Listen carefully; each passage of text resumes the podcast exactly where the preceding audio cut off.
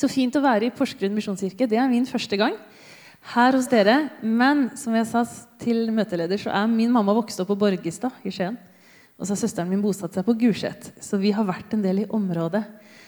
Og så har du ikke vært lenge i Misjonskirka Norge før du har fått med deg hvem Tore Mersland er. Så han har jo nå fått lov til å kjenne noen år. Og så syns jeg dere er veldig heldige som har fått han hit.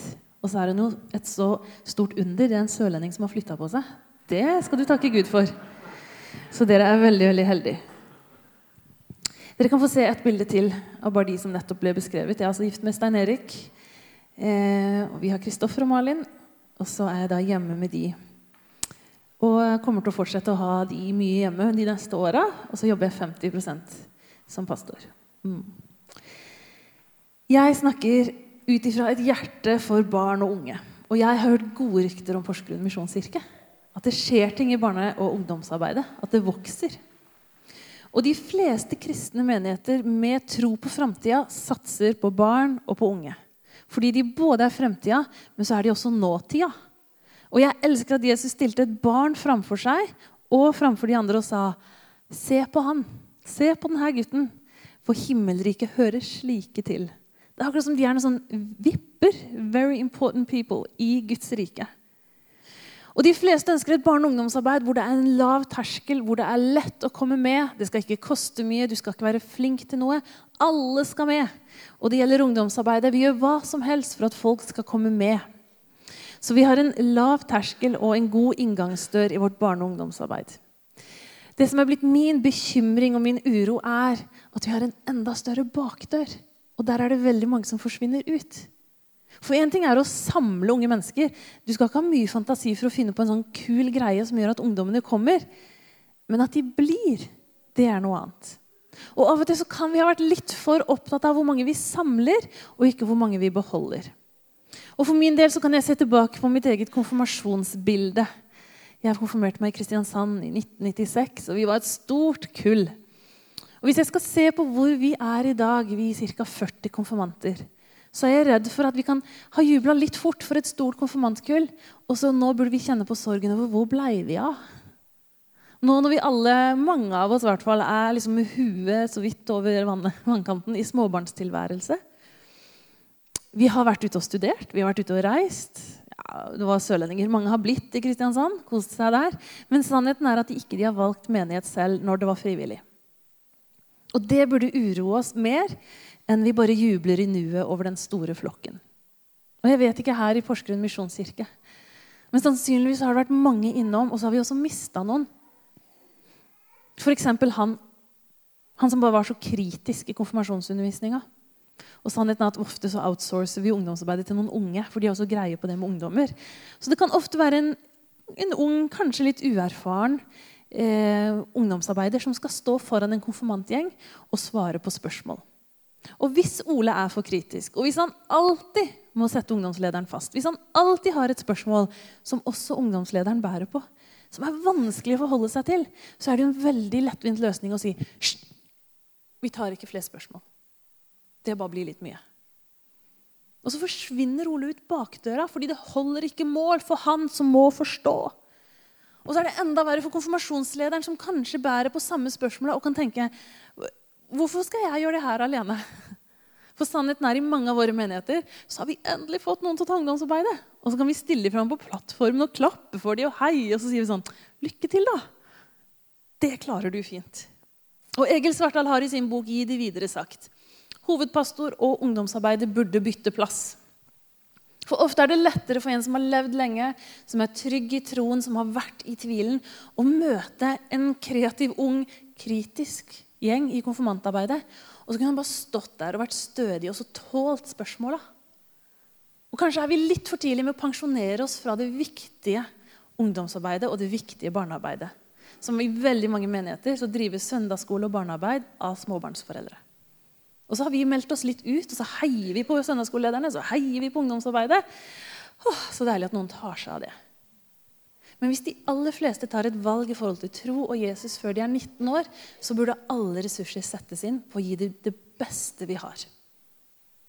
Resonnementet til Egil Svartdal er videre at eh, hovedpastor burde kanskje få lov til å bære tryggheten og bautaen i ungdomsarbeidet. Og så kunne vi som er her på søndag klokka 11, trengt en litt sånn idealistisk spirivipp, en ungdomsarbeider som utfordra oss enda mer enn hovedpastor turte. Så kanskje skulle vi av og til ha bytta.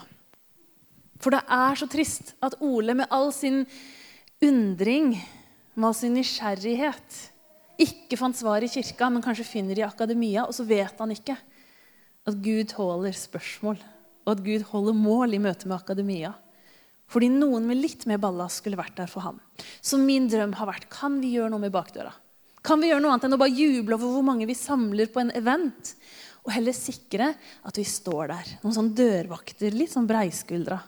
Gjerne med sånn godt, eh, et godt standpunkt fordi de har levd en stund. Og min drøm er da, Kan det være noen åndelige foreldre som står i bakdøra? Kan det være noen voksne til stede som i hvert fall registrerer de som forsvinner? Som kan være med å gi et klapp på skuldra, som kan være med å velsigne de videre. Eller som kan være med å møte han som kunne trengt en voksen å snakke med når kritiske spørsmål ikke ble møtt i ungdomsarbeidet. Eller hun som bare er litt mye, som er litt drama queen, og som er litt slitsom å ha i ungdomsarbeidet, men som bare lengter etter kjærlighet. Som bare lengter etter å bli sett. Og når det da blir litt for mye drama i ungdomsarbeidet, så kan det hende at hun drar videre på leit etter kjærlighet helt andre steder. Tenk om hun kunne fått lov til å sitte i sofaen til noen voksne og bli lytta til og bli tålt. Jeg tror vi trenger noen dørvakter, noen som er godt voksne, og som er der i bakdøra, og som er til stede der de unge er, for at ikke vi skal miste så mange. For altfor mange av våre menigheter opplever at det er et kjempegap mellom generasjonene. Vi syns det er vanskelig å møtes alle sammen. Vi har vanskelig for å finne felles møtepunkter der vi ikke krangler om musikken. Eller der de ikke er på den ene eller på de andres premisser, men der vi er sammen. Der hvor alle skal få lov til å være seg. Og det er påfallende mange de siste åra som har kommet til meg når jeg har snakka om dette, så har de sagt åh, Torbjørn Goline, jeg lengter så etter dette. Og Noen har ikke egentlig satt ord på det før, men de bare, jeg skulle så gjerne hatt noen å bli sett av, noen å snakke med. Det er så mange unge som lengter etter voksenkontakt. Og så møter jeg så mange godt voksne som kommer til meg og sier Er det sant? Er det virkelig sant at de unge har lyst til å være sammen med oss? Er det noen unge som gidder å være sammen med meg? Jeg er ikke kul nok. Og så er det en sånn misforståelse på at de eldre ikke føler seg kule nok og dermed ikke er sammen med de unge, mens de unge tror at ikke de er ønska, at ikke det er plass for de, og så går de heller alene. Linda Haukeland, som eh, er bl.a. redaktør av Jesuskvinnemagasinet. hun har uttalt i Korsets seier at å bygge menighet kan bare gjøres med én motivasjon, nemlig å etablere noe for neste generasjon.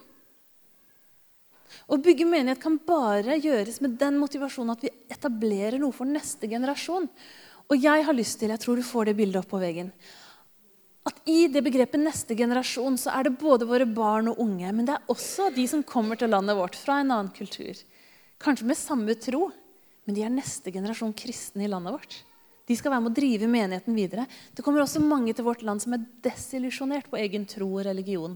Fordi de har sett så mye vondskap skje i navnet til han de trodde på. Og så ønsker de heller å møte noe som er liv, og noe som er sannhet, og noe som er nåde. Neste generasjon. Og vet du, dette utsagnet det treffer jo oss egentlig midt i magen. For hvor ofte kommer vel ikke vi på gudstjeneste for å få noe til oss sjøl? Vi er konsumenter eller forbrukere til fingerspissene. Vi vet hva vi vil ha, og vi vet hvordan vi vil ha det. Og Ola Nordmann er blitt ganske mye flinkere til å klage hvis vi ikke får det sånn som vi vil ha det. Forbrukerrådet oppgir at de siste fem åra har antall klager nesten fordobla seg. Vi er flinke til å si fra hvis ikke ting blir sånn som vi vil ha det. Om det er et produkt eller en tjeneste, så er vi blitt flinke til å klage. Vi vet hva vi har krav på, og så står vi på krava. Hør, det er veldig skummelt hvis vi har samme innstilling til menighet. Hvis mitt fokus for gudstjenesten er hva får jeg ut av dette? Jeg likte ikke helt den sangen. Nei, talen traff meg ikke. Så kan vi sitte på samme måte ved kirkekaffen som om vi har vært på kino, og så triller vi terning ut ifra oss selv. Og så velger vi nesten alt her i livet ut ifra vår egen preferanse. Men i Guds rike så skulle vi altså ha neste generasjon i fokus. Eller hva kan denne talen gi noen andre? Hva kan denne sangen bety for noen andre? Kan vi også sette oss sjøl litt til side når det kommer til menighet? Jeg tror at Jesus har valgt familie som en struktur for sin menighet. Det går som en rød tråd gjennom hele Bibelen at Gud elsker familie. Og Det er mange ettertavler bare for å se hvordan folk har hørt sammen, hvordan slekters gang har fulgt hverandre. Og Han ønsker altså at menigheten skal være en familie. Og vi står i enden av en rekke som er lang, fra Adam og Eva, gjennom Mosebøkene som barna får høre om i dag, til David, til Jesus, disiplene. Fra generasjon til generasjon så har Guds ord blitt overlevert fra fedrene og mødrene til barna. Som blir fedre og mødre som gir det til barna sine. Og Paulus sier som om han kjenner oss litt for godt i 2017. I 1. Korinterne sier han for om dere som kristne Du skal få det opp på veggen. For om dere som kristne har tusen lærere, har dere ikke mange fedre. Det var jeg som ble deres far i Kristus Jesus da jeg ga dere evangeliet. Hør, I dag så kan du reise fra festival til leir til konferanse. Du kan velge og vrake på å få input. Du kan bli i stua di, se på TV, høre på podkast, få med deg god undervisning. Vi har tusenvis av lærere. Vi har mye god undervisning, forkynnelse. Men spør jeg deg, så er det ikke sikkert du kan nevne en som er din åndelige far eller åndelige mor. Så sier da Paulus som han pleier. Så sier jeg 'ha meg' som forbilde. Og derfor Derfor var det jeg sendte Timoteus til dere, min kjære og trofaste sønn i troen på Herren. Han skal minne dere om min vei i Kristus Jesus, slik som jeg lærer overalt i alle menighetene. Paulus kaller Timoteus sin kjære og trofaste sønn i troen. Et annet sted så sier han at Timoteus er min ektefødte sønn i troen. Paulus er hans åndelige far. Og Paulus skal vi, litt, vi, skal se litt mer på Timoteus, mener jeg. Eh, som fikk lov til å følge Paulus allerede fra han var en tenåring. Og så ender han opp som pastor i den store menigheten i Efesus. Og Relasjonen starter nok mer som en sånn mentor-protesjé-relasjon. Paulus treffer Timoteus når han kommer til byen Lystra, hvor Timoteus er fra. Vi skal lese fra Apostlenes gjerninger 16. Han kom da også fram til Derbe og Lystra. Der var det en disippel som het Timoteus. Hans mor var en kristen jøde, og faren var greker. Brødrene i Lystra og Ikonium hadde bare godt å si om han. Et annet sted så står det om Timoteus at han var opplært i skriftene fra han var en liten gutt. Og at han hadde et kall over livet sitt. Og Kanskje var det derfor han var spesielt interessert i Paulus og det som skjedde rundt denne mannen. Kanskje han gjenkjente det kallet som Paulus levde, og så ønska han seg det samme. Timoteus var sannsynligvis en tenåring når Paulus eh, kom til byen hans. Og det må jo ha vært utrolig stas å få lov til å være med selveste Paulus videre på misjonsreisen. Reise fra mor og far og bli med Paulus ut på eventyr. Men Timoteus visste nok litt mer hva han gikk til, enn at det var et eventyr. Fordi første gangen Paulus kom til Lystra, så ender det med steinkasting. Og det står at Paulus må rømme midt på natta. Han ble drevet ut av Lystra. Og motstanden den kom ironisk nok fra, fra jødene, ikke fra hedningene. Så Timoteus var realitetsorientert. Han visste hva det kunne innebære å følge Paulus. Og Likevel så ville han. Og Ifølge apostlenes gjerninger og de andre brevene til Paulus så ser det ut som Timoteus var med Paulus. I løpet av de neste ti åra fulgte han ham tett. Og jeg tenker at Timoteus fikk lov til å gå mange mil sammen med Paulus og ha mange gode samtaler. Jeg tenker Timoteus fikk sitte på første rad og høre mye bra taler. Kanskje holde vannflaska og stille han en del av de vanskelige spørsmåla etterpå. Og Så kan det hende at han etter hvert fikk lov til å komme opp og ha en innledning. og så kan det hende at Timoteus fikk lov til å preke mer og mer, mens Paulus lærte han opp. Og så fikk han se livet sånn som det var, tjenesten sånn som den virkelig var for Paulus. Det skjer noe i relasjonen. I Filemon 2,2 så står det Men dere vet at Timoteus har bestått sin prøve. Han har vært som en sønn for meg når vi sammen har gjort tjeneste for evangeliet. Han har vært som en sønn for meg. Timoteus fikk gå tett på Paulus i gode og onde dager. Og så leser vi et sted at Paulus har omsorg for Timoteus. At han har mye vondt i magen, og så gir han en råd for hvordan han skal håndtere det. Timoteus fikk også være med i de menighetene hvor det var splittelser og krangler. Ja, og Han fikk også besøke Paulus i fengsel. Paulus var ikke en av tusen lærere for Timoteus. Han var en far. Og man trenger ikke tusen fedre, men man trenger én. Hør, det er mange unge med et kall over livet sitt. Det er kanskje ikke mange som er opplært i Skriftene så grundig som Timoteus, men noen er det. Og noen er sultne på Bibelen. Og hør, det er mange unge som lengter etter å finne sin åndelige far eller sin åndelige mor. Noen som kunne tatt dem med på livsreisa si. Den er nok ikke så dramatisk og storslagen som Paulus sin, men jeg tror mange unge lengter etter å få være med inn i et A4 hverdagsliv. Jeg tror mange unge lengter etter å se hvordan man kan følge Jesus i travelhet, i arbeidsliv, i familie. Og så kan kanskje du allerede ha tenkt at det er ikke meg, for det med åndelige foreldre det hørtes litt voldsomt ut. Og jeg har laga en definisjon på åndelige foreldre som jeg har ønska å lage så vid og brei at de fleste kan kjenne seg igjen i og få plass i den. Hør det står. Men med åndelige foreldre menes personer som på ulikt vis velger å vise omsorg og gi veiledning om tro og liv til noen som er yngre enn seg selv. Åndelig foreldreskap kan skje uavhengig av alder og sivilstatus og forutsetter ikke egne biologiske barn. Så åndelige foreldre er personer som på ulikt vis velger å vise omsorg. Da kan jeg høre en kopp kaffe eller en fisketur. Konsentrert nærvær. Og å få lov til å være med og gi input, veiledning om både tro og liv. Så tror jeg ikke at du trenger verken å ha egen familie jeg tror ikke du trenger å være særlig gammel før du kan begynne å bety noe for noen som er yngre enn deg. For vet du, Jeg har møtt så mange unge som savner et hjem. Det er så mange unge mennesker i dag som savner en sofa, en kaffekopp og noen som har tid til å lytte. Og ofte også i tenåringsarbeidet så flokker de seg rundt de eldste i arbeidet. Og dere har et ekstremt godt eksempel i Tore Mersland som er en åndelig far til fingerspissene, og som har valgt å bruke så mye også av sitt voksenliv på tenåringer. Og du skal se hvordan de trekker til han. Fordi de lengter etter voksenkontakt. Og så lengter etter noen som vil lytte mer enn de snakker. Og det er et viktig poeng. Fordi selv om unge mennesker i dag er eksperter i å dele om seg selv i sosiale medier, de oppdaterer gjerne status hyppig de tar snapper fra nesten alt de opplever. Ja, De deler villig både det de burde og ikke burde. Og så virker det som De har ganske stor sjøltillit på å dele også fra en scene. De kan synge, de kan danse, de kan vitne. Ja, de deler mye. Men det jeg tror de egentlig trenger, er å bli lytta til et sted de ikke må legge filter på. Et sted de ikke må ha en maske, der de ikke forsøker å være noe annet enn det de er. Det sies om ungdomsgenerasjonen som vokser opp i dag, at de har et prosjekt perfekt på gang. Og det er ekstreme krav de unge møtes av, og som de tidlig tar på skuldrene sine. At de skal prestere både på skole Men det er ikke nok å bare være flink på skolen lenger. Du skal helst være god i en idrett eller i en hobby, noen ting du gjør på fritid. Det skal du mestre godt.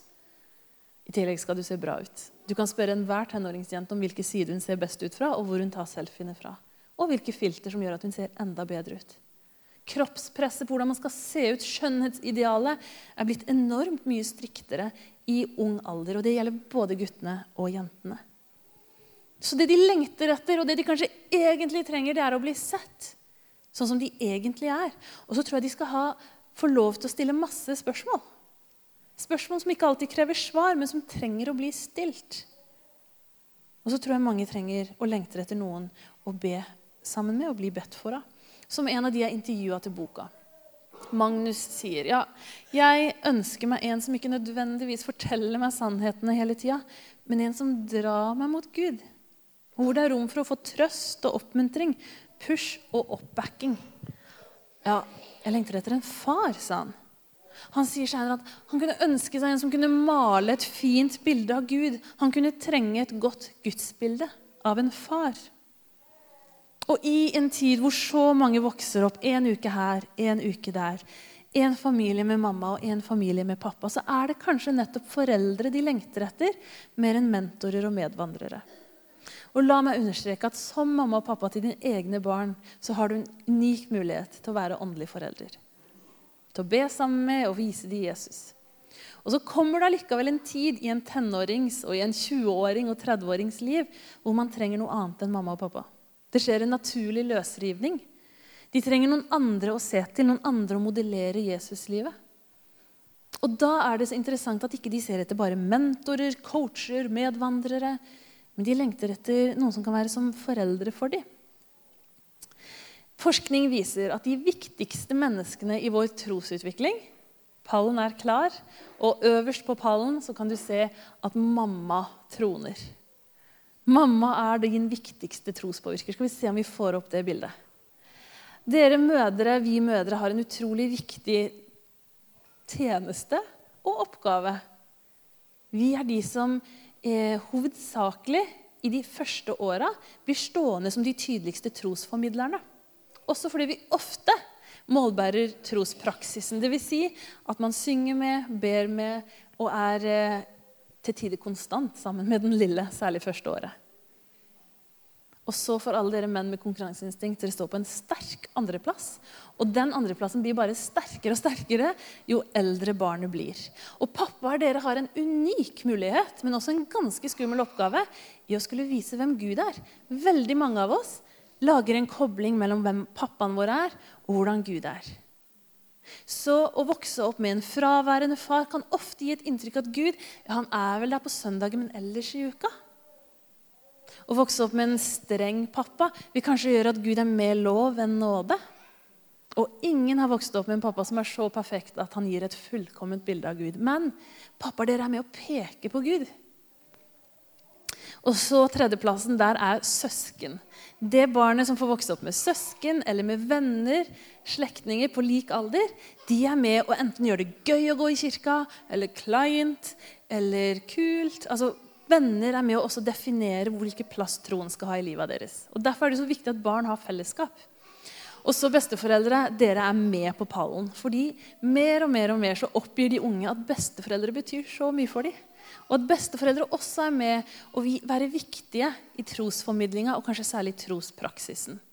Og jeg tenker Besteforeldre dere har en unik mulighet til å la tida gå litt saktere hos dere. Og ha litt mer skjermfri.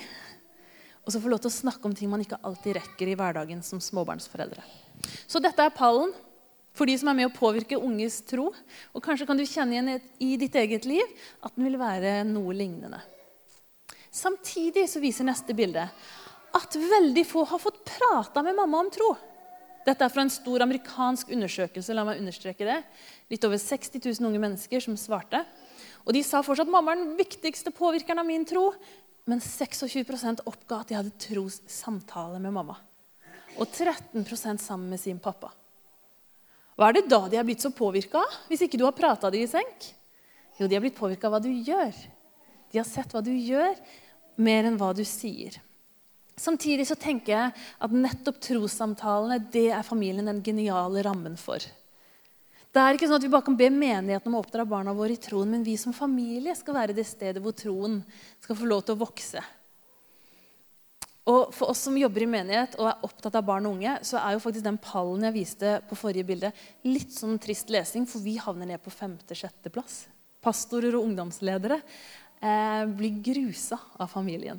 Og jeg tror jo Gud er genial i sin beregning, nemlig at unge mennesker er ca. 3000 timer hjemme hvert år, og så er de ca. 40 timer i kirka.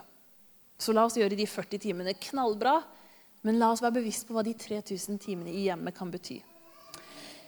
Disse som sa de få de hadde prata med mamma og pappa om tro, oppga at de, det var jo ikke tid til det. De opplevde ikke at det var rammer og rytmer hvor det var nå setter vi oss ned og så snakker vi om hva som er høyt oppe.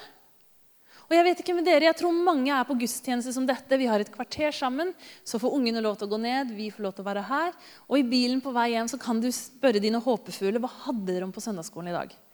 Jo, det var han derre Sakkeus oppi treet og Oi, så gøy. Og så vet jeg ikke hvor modne dine barn er, men jeg vet ikke hvor ofte du får spørsmål om hva hørte du på om, om på møtet i dag, mamma? Hva lærte du i talen, pappa? Så ofte så slutter samtalen om det vi har opplevd felles i Guds hus, der. Og så får vi få sånne referansepunkter om hva vi kan snakke om. Et utgangspunkt for samtale. Og det kan også menigheten legge til rette for. Men vi trenger å lage anledninger til å snakke om tro. Og ei jeg kjenner, hun pleide å sette fram snacks. Satt fram godteriet, satt seg ned, og nå skulle de ha andaktsstund.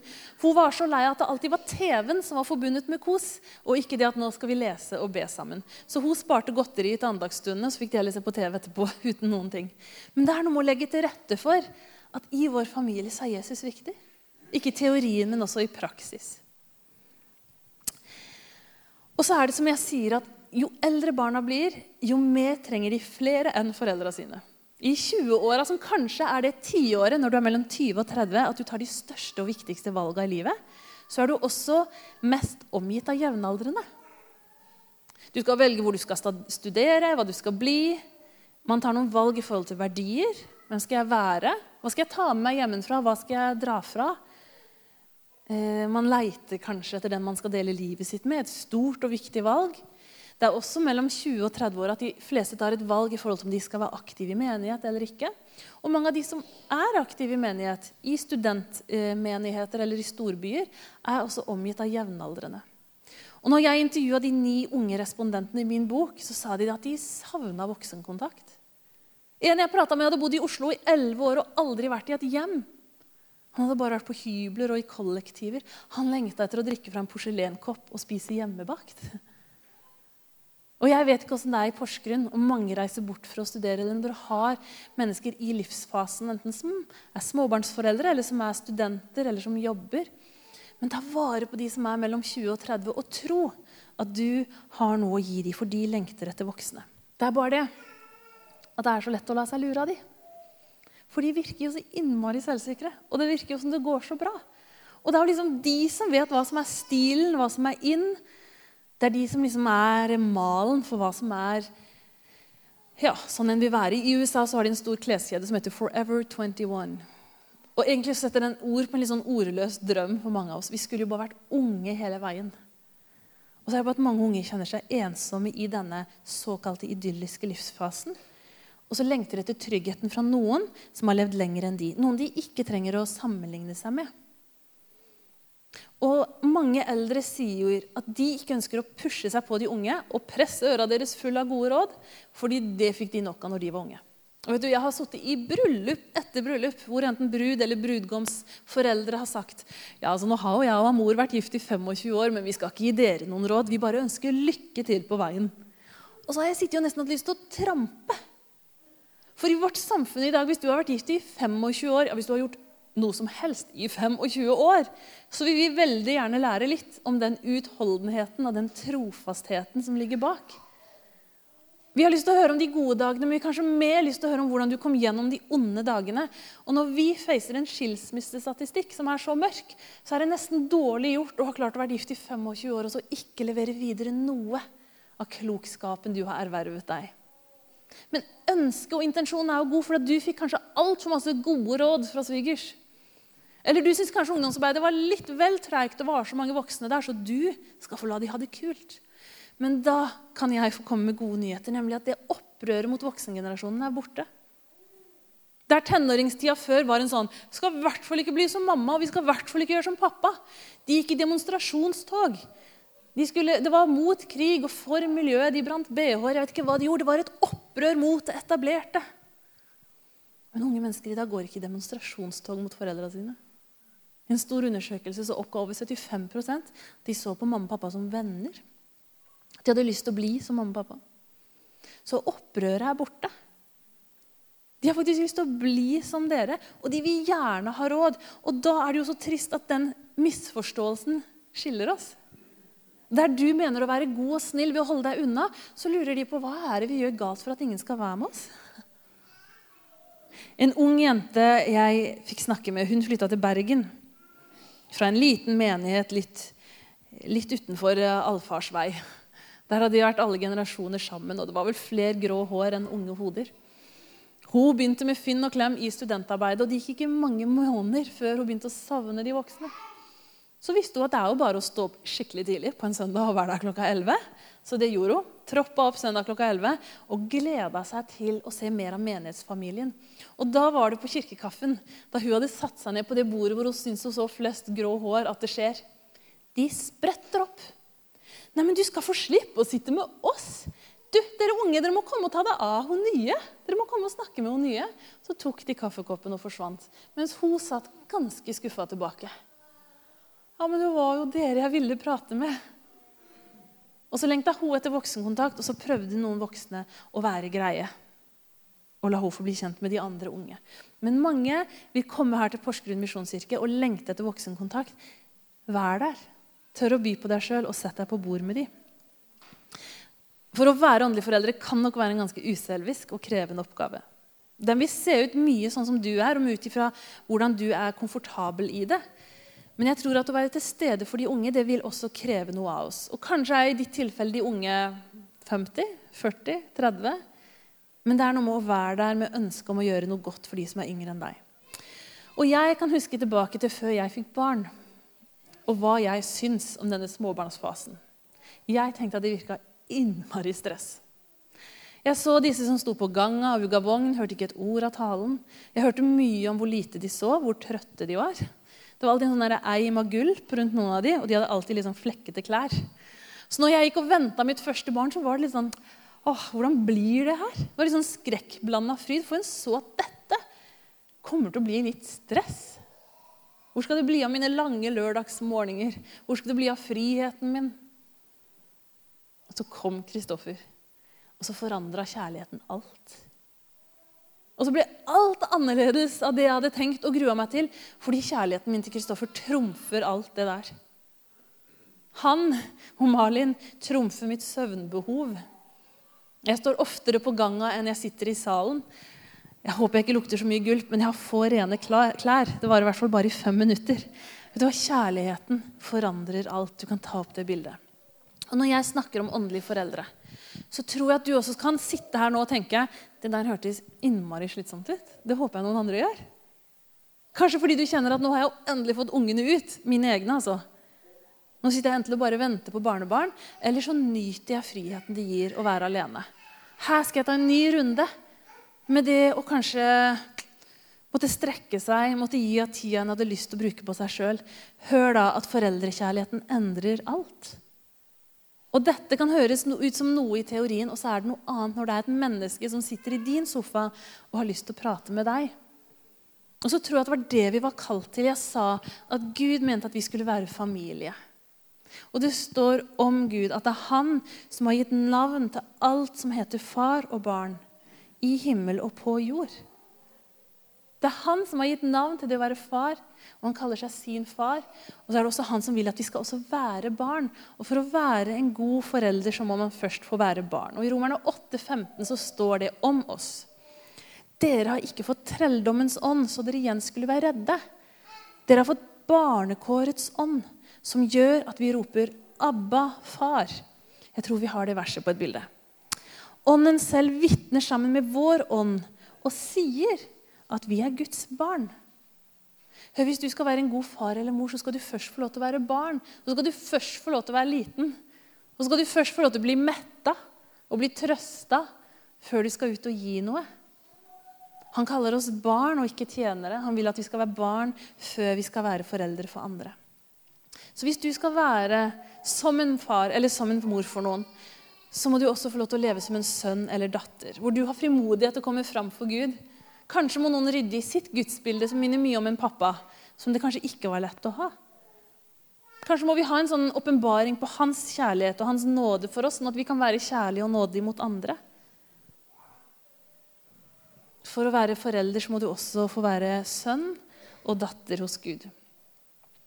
Og så Et av de mest brukte motargumentene når jeg er rundt og snakker med særlig de eldre, da kommer de og sier til meg Tobe Oline, det her hørtes bra ut, men vet du hva?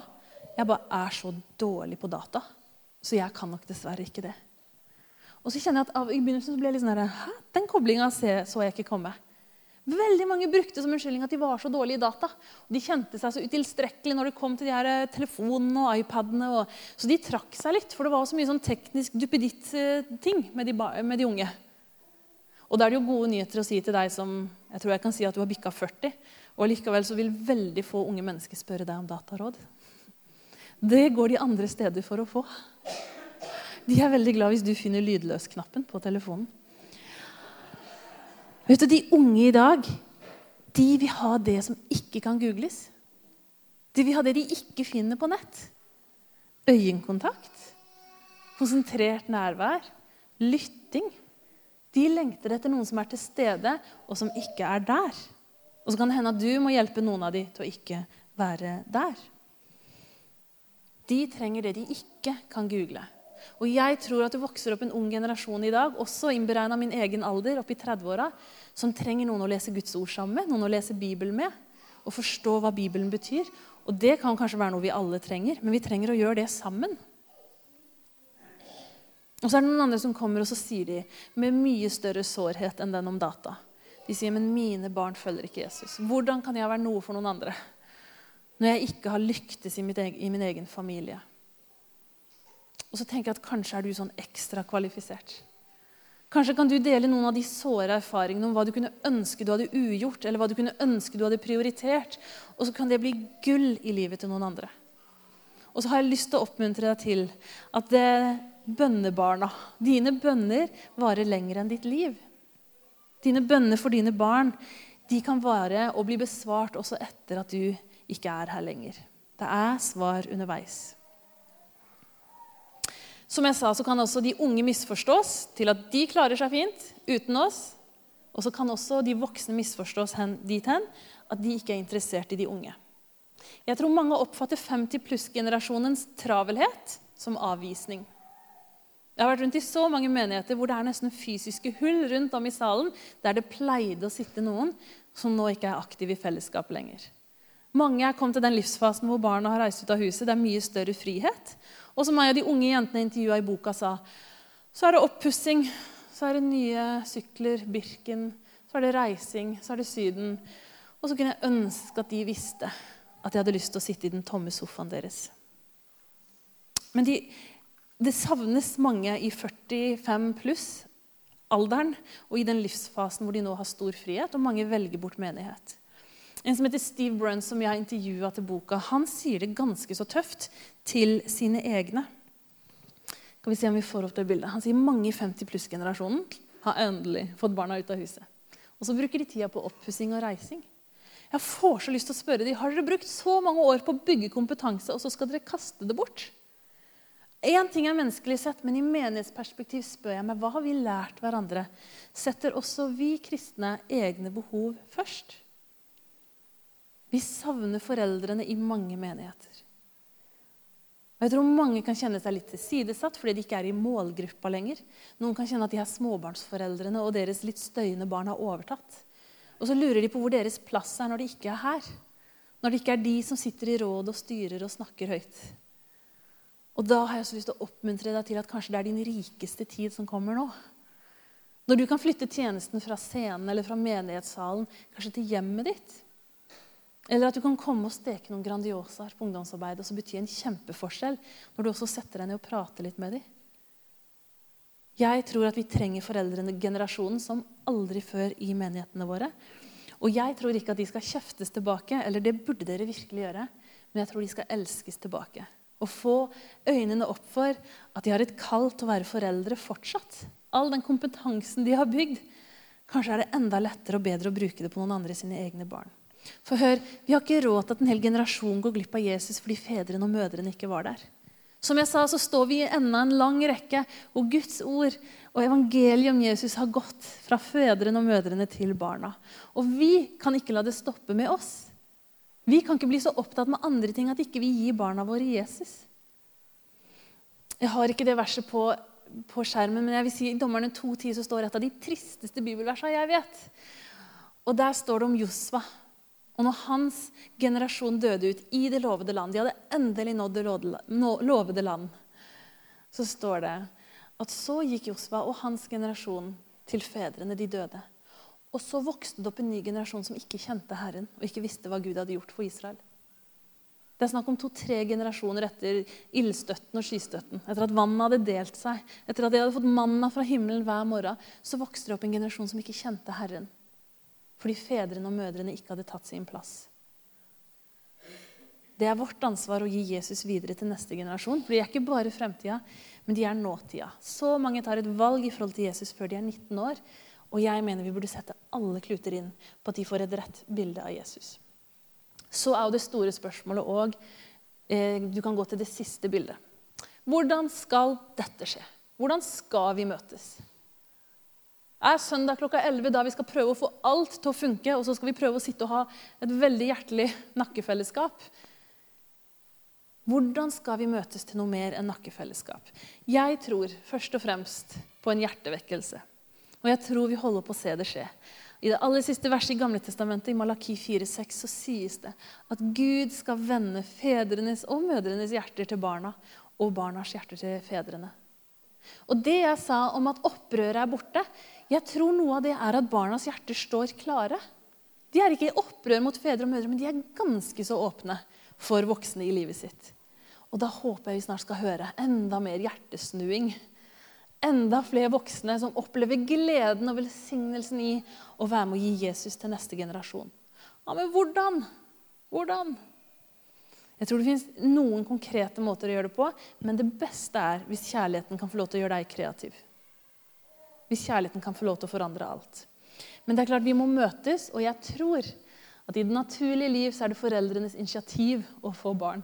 Og i det åndelige og i menighetslivet så bør det være foreldrenes initiativ å få kontakt med barna. Da trenger vi å møte de der de er, lage arenaer der vi møtes. Og så må vi gjøre noe annet enn å bare liksom steke pizzaen og så gå. Vi må gjøre oss tilgjengelige for samtale. Kanskje skal du invitere noen småbarnsforeldre på middag. Kanskje skal du tilby deg ruggevogna, så en sliten mor kan få med seg en hel tale. Kanskje skal vi la søndagsskolearbeidet være drevet av flere enn småbarnsforeldrene, og ungdomsarbeidet bli supplert av trygge voksne. Sånn at ikke det er en sånn Å, vi heier på barne- og ungdomsarbeidet, men vi eier det, og vi driver det. Og vi er der for neste generasjon. Han vender fedrenes hjerter til barna, og barnas hjerter til fedrene. Vi ber. Gud, takk for at du ser i nåde til oss. Takk for at ditt blikk er fullt av kjærlighet når du ser på oss. Takk for at du først og fremst er sønner og døtre, Herre, som du roper ut at du elsker og har behag i. Og så ber jeg om at du skal sette oss i stand til å også være fedre og mødre. Og Herre, ikke for massene, men for den enkelte. Og jeg ber om for Porsgrunn misjonskirke og for oss som er her, at du skal komme og være konkret. At vi skal bli minna på den eller de vi skal få lov til å bety noe for. Herre, jeg ber om at dette stedet skal være kjent for ikke bare å ha mange barn og unge, men at det skal være kjent for å ha mange fedre og mødre. Dette er ikke et sted du bare kommer innom og går, men dette er et sted man blir. Og så blir man opplært i troen, og man blir glad i Jesus her. Det har jeg lyst til å be om, og jeg har lyst til å be om at du med din ånd skal veilede og gjøre veien videre enkel å gå. Det ber jeg om i ditt navn. Amen.